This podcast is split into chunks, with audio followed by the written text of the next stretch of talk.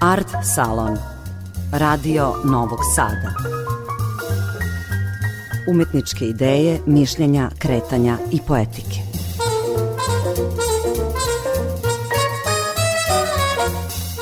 Dobro večer, dragi slušaoci, ja sam Aleksandra Rajić, slušate Art Salon, emisiju prvog programa radija Radio Televizije Vojvodine, u kojoj večeras sa Goranom Vujkovim razgovaramo o Urošu Prediću u svetlu njegovih pisama, beležaka i misli koje je zapisivao.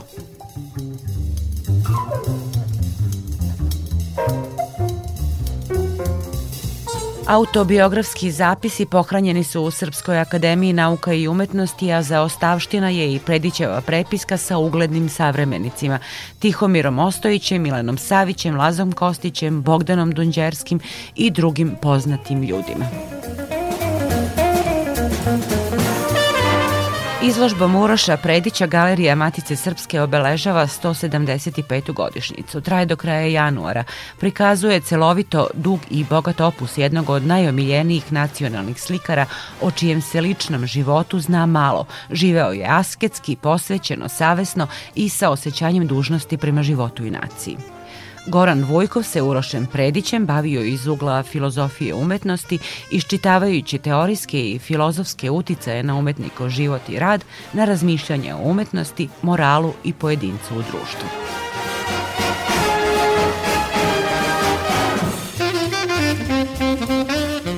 Pa sve je to zanimljiv deo gde mi kao muzej, jel, kao, kao Galerija Mate Srpske, nastojimo da sad nemamo jedno perspektivan pogled na, na umetnost, na umetničko delo ili nekog autora, nego da ukoliko se bavimo umetnosti moramo da imamo nekoliko perspektiva koje bi tako reći bacila svetlo na konkretno ovom slučaju sa Uroša Predića. Sad zašto pisma? To je jako interesantno, jako puno on ostavio, tako reći, te arhivske građe iza sebe, koja se ne uzima toko često u obzir. I Orlovac je iz Beča pisao, dakle, dosta svog života je provio u Beogradu, pisao je za života konstantno. S druge strane, sama priroda pisama je tako da je on dosta lična, jel? I onda može i da dosta nam kaže o o, o njegovom životu, s druge strane imamo autobiografiju koja je namenjena za čitalačku publiku, tako. Dosta može da imamo oscilacije između ta dva. Neki način smo ovim predanjem hteli da pokažemo drugačijan kontekst, ali ne više kao umetnik, ne tu klasičnu prizmu, nego i ovaj neki način misli koji bi trebalo da upotpuni sam njegov karakter. Šta ste zapravo istraživali po arhivima? Pa s jedne strane to su masa pisama, masa beleški koje je pisao, koje je ostavio. Dosta je tu ima tih nepreglednih radova s tim da govori doslovno o samom putovanju, načinu kako je putovao, kako se osjećao, jel tako? Što dosta može da nam govori o karakteru, jel, njega kao čoveka, dok s druge strane provlače se, tako reći, sitni delovi koji mogu da nam potpune njega kao umetnika. I to je neki način bilo interesantno da se sad tako semantički istraži i sam kontekst pisma i kako se to reflektuje na njegovu umetnost ili, ili njegovo delo. Šta se zapravo provlači kroz te pisma? Uroš e, Predić je umetnik koji je dugo živeo, mm. dugo stvarao, Pamtio je, kako ste i sami rekli, istoriju od Austro-Ugorske do posleratne, odnosno e, socijalističke Jugoslavije. Kako je u svojim beleškama i pismima video to vreme? Pa to je sad jako neobičan moment s tim da nije dosta volio da komentariše samo političke struje, pisao je ono o tome i o tome naravno, no dosta se zadržavao zapravo u svom ličnom biću, više volio da komentariše narative, dakle male običaje, konkretno sad na primjer ljudi i običaje iz Orlovata, bečke običaje, dakle više vole da neki način da se ingrivira u samo iskustvo življenja, u iskustvo života, neki način nije volao te velike pompezne događaje, iako na primjer bio u službi upravo tih velikih događaja, da je sliko temate nacionalnih identiteta, kao što na primjer upravo Kosovka devojka, tako, devojka na studencu, hercegovački begunci, dakle bio u službi tih ideja, no privatno kao čovek neki način gleda da ostane sa strane, dosta to dovoji sam, i sam karakteru njega kao umetnika. Ali sami ste zaključili da ne bio potpuno apolitičan mm -hmm. u slici i vizije u oblacima iz 1887. Kažete da e, ipak promoviše neke političke ideje. Promoviše, da, mislim, to opet dolazi do toga da li neki umetnik ili uopšte čovjek može da bude apolitičan, jer u svakom slučaju subjekt zajednice uvek neki način politički ingriviran.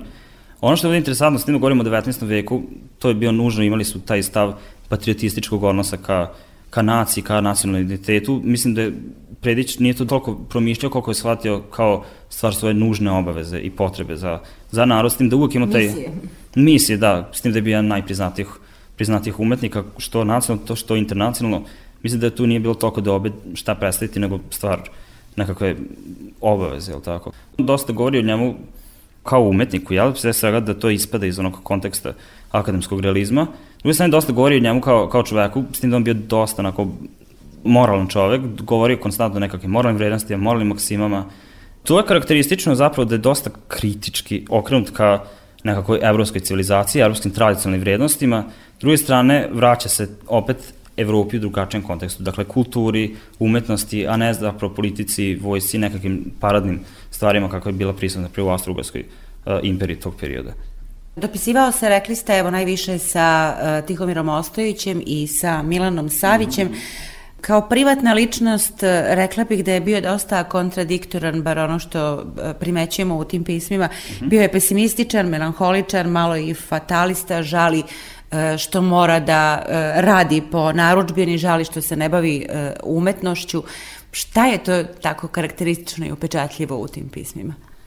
Možda to što je dosta kukao jel, kroz svoj život, u smislu dosta je bio nezdovan na okolnosti, na situacije, s tim možemo uzeti u obzir i da iako je on neki način pokazivao svoju neprivilegovanu poziciju, treba uzeti obzir da je on ipak muškarac u tom periodu koji je s jedne strane srednje klase, biva prepoznat od strane intelektualne i političke elite, s druge strane uspeo da se probe kroz te akademske krugove, neki način zanemarujemo možda i taj moment umetnik u 19. veku koji ima privilegiju jel, da se izgrazi i da zapravo kaže nešto u tom kontekstu, u tom maniru, tako da šta je prisutno kod njega jeste taj pesimistični stav koji je možda opravdan, možda neopravdan. To već je star i interpretacije. No ono što je interesantno jeste da uvijek je bio blage naravi koji je imao prema prijateljima, prema poručbinama, jel, prema matičarima. Dakle, ono što je interesantno da uvijek je voleo da ostane moralan čovek, da za sebe kaže. To opet taj moment da ne može da napravimo jasnu granicu između umetnika i čoveka kao takvog, s tim da on, na primjer, upravo u jednom pismu Ostojiću i govorio u smislu da može da dosta kaže o sebi kao umetniku, kad je već bio formiran intelektualac, ali teže može da kaže o sebi kao čoveku, jer je to zahte koji se ispunja svakodnevno. I sad to, to su ti momenti koje možemo da ispratimo kroz, kroz njegova pisma. To je možda neki tako reći high, highlight i light motiv njegovih dela da preispituje sebe kroz pisma, iako govori onom drugom. E, rekli ste da su neke njegove misli zapravo počivaju na e, Schopenhauerovim idejama, da je poznavao, da je čitao Schopenhauera. Pa sad je to stvar, može se reći, duha vremena, jel, s jedne strane i tih kodeksa i pravila koje su učile na tim evropskim centrima kulture. S jedne strane, očito da je bio upoznat sa, na primjer, svetom kao voljem predstavom, jel, od Schopenhauera, gde je bilo, tako reći, literatura koja se učila na studijama, ispratio je on i ostao zapravo teorijsku i akademsku građu. Neki način njegov lični sentiment je se zakačio baš za, za Schopenhauer, u ovom kontekstu što dosta opet može da nam govori o, o, o njemu samom. Sad zašto bira baš to, to je već sad stvar predića, ne nas, nas, nas da isčitamo jel, te momente koje on pronašao zanimljivi, refleksiju ka, ka umetnosti i ka njegovom životu. Videli ste to njegovim slikama? Uh mhm. -huh. Ili su to dve potpuno onako disparatne, odvojene stvari? Njegov život i njegovo stvaralaštvo? Pa možda je to odlika sad samog akademskog realizma, jel, i tog perioda, da ne uvlači zapravo svoje lične intencije, nego da, mislim da su umetnici koji su radili po poručbina, dakle to su veliki primjeri poručbina. Mislim da nije on bio sklon kao što bi, na njegove kolege u tom periodu simbolizmu, da tematizuju kroz simbole nekakve prikaze katastrofa, prikaze patnje, jel tako, kao što je, a, na primjer, Bela Čiko Sesija, kog je takođe komentarisao kroz, kroz pisma i afirmisao zapravo njegov rad takođe Marko Murat, dakle opet on navodi sve te umetnike koji su direktno upisivali zapravo svoje lične stavove, on se nekako zadržao na tom momentu sebe kao zanatlije i čoveka koji radi odmerenim crtežom, odmerenim radom, on je lično imao tu svest da je umetnost i, i život nešto što je, ima jasnu liniju razlike. Istovremeno kao umetnik prisustovao tom burnom u, u umetničkom pogledu, u estetskom pogledu, to u početku 20. veka, gde su se razni pravci, razni izmi smenjivali. E, kako to da nije kao umetnik reagovao na to? To je sad jako zanimljivo. Mislim da je to do samog njegovog stava i pogleda kao umetnost. Mislim, on se definisao kao i profilisao kao takav umetnik, nije imao potrebu prosto da eksperimentiše i radi nekako istraživanje u domenu umetnosti kao kolega dosta je prihvatao zapravo i inspirisao druge mlađe narašte i mlađe generacije umetnika, no lično prema modernoj umetnosti je imao jako negativan stav, uh, izražen negativan stav. To se vidi uh, u njegovim pismima. Vidi se dosta kritikuje secesiju, dakle ima taj intonirani antisecesionistički stav, kritikuje na primjer Klimta i Klimta u tu filozofiju, dakle sliku, i govori da je dosta dekorativno odstupa zapravo o nekakvih kanona, ne prati zapravo tako reći metodiku likovne akademije, Takođe, ono što je interesantno, ne voli taj taj moment secesije i ono što se dešavalo kroz Beč, kroz Bečku scenu 20. veka, gde govori da to dosta se oslanje na, na dekorativnost, a sve manje u prisutnosti nekakve ideje. To možemo zapravo da i povrgavamo danas iz ovog konteksta, ali ono što je de facto jeste da je bio protivnik trenutnog vremena, dakle, naraštaje koji su nadolazili, bio nekako više čovek, čovek starine. Kažete, našli ste zapravo u njegovim pismima, radovao se osjećanjima, njihovom plodonosnom učinku, govorio o jalovosti razuma, a zapravo u svom stvaralaštvu e, manifestovao je sve suprotno. To je sad crta njega kao ličnosti. U autobiografiji nastoji da piše o tome, ali opet to je lepo poetizovano, lepo sastavljeno, onako, uh, u domenu nekakve biografije, jel, autobiografije. Kroz pisma dosta se piše ličnije, jer opet govorimo o kontekstu, pismo je nešto što je lično, nešto što je upućeno ka jednom samo čitaocu, nešto što govori o svoje lične želje, porive, strahove, ili tako. Autobiografija je namenjena publici, namenjena javnosti, ili tako. Mislim da je jasno imao nekako način ogradu sprem toga kako će i gde će šta o sebi da predstavlja. Uradio je bezmalo 2000 radova koji su zabeleženi, među tih 2000 radova svega su dva autoportreta. Da li i to objašnjava neke njegove filozofske, lične stavove, poglede? Da, svakako i to opet vidimo, na neki način da je to blago uprisutno kroz građu koju ostaje za sobom.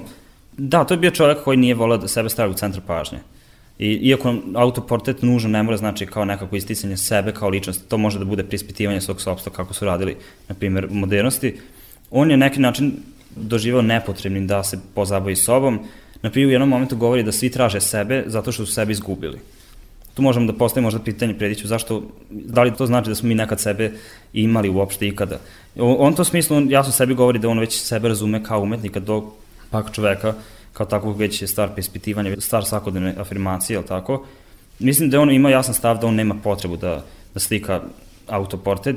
Takođe interesantno, osliko je samo jedan akt za života sprem svih silnih radova koje je imao. Neki način mi da je to sad... I to stvar... u jedno burno vreme kao što je mm -hmm. rat. Da, tako je. I prilično je zapravo prisutno na akademije da se slika zapravo uh, ženski aktovi, dakle generalno pri, prikazi prikazi tela, nije naša to kao stvar interesa, možda je to stvar prosto sentimenta njega kao, kao čoveka, to već možemo da, da interpretiramo.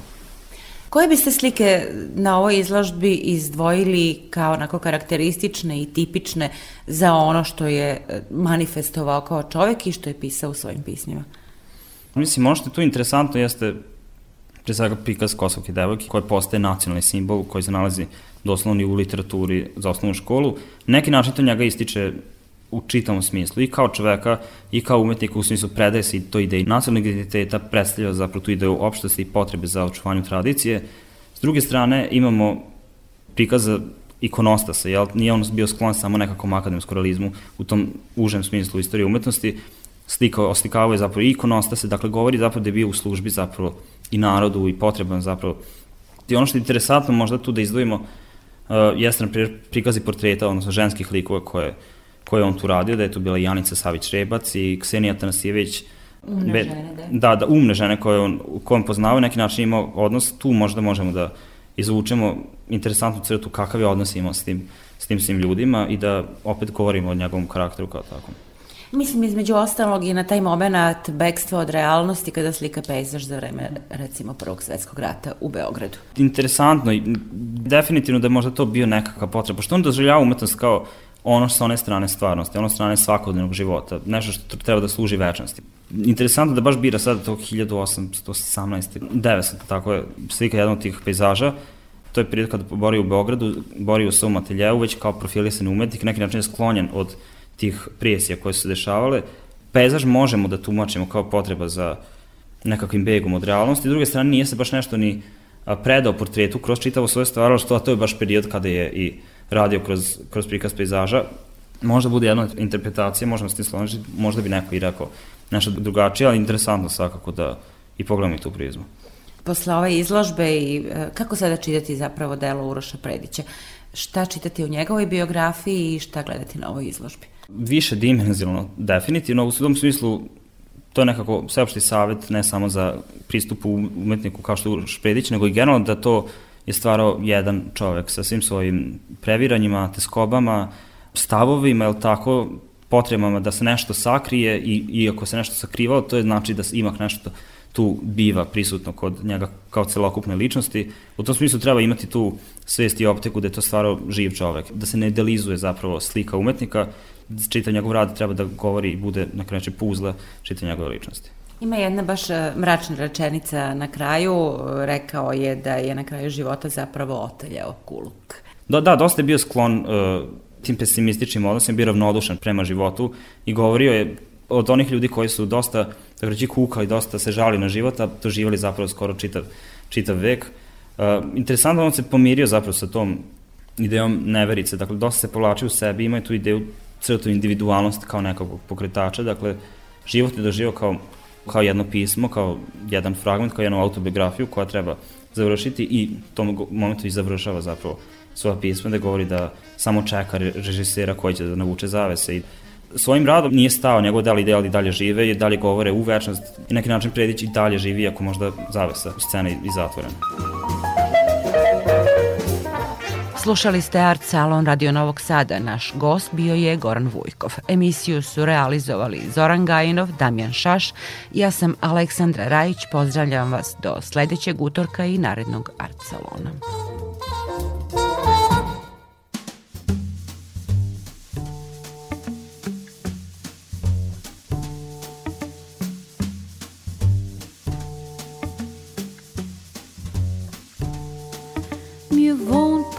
Rien qu'une pas penser du tout.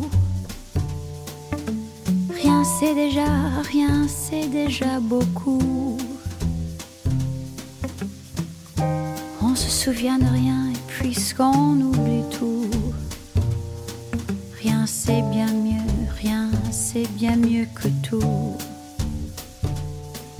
Mieux vaut ne penser à rien que de penser à vous ça ne me vaut rien, ça ne me vaut rien de tout.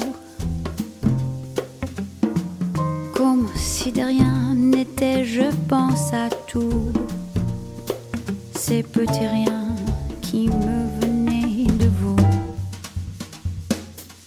Si c'était trois fois rien, trois fois rien entre nous. Évidemment, ça ne fait pas beaucoup ce sont ces petits riens que j'ai mis bout à bout. Ces petits riens qui me venaient de vous.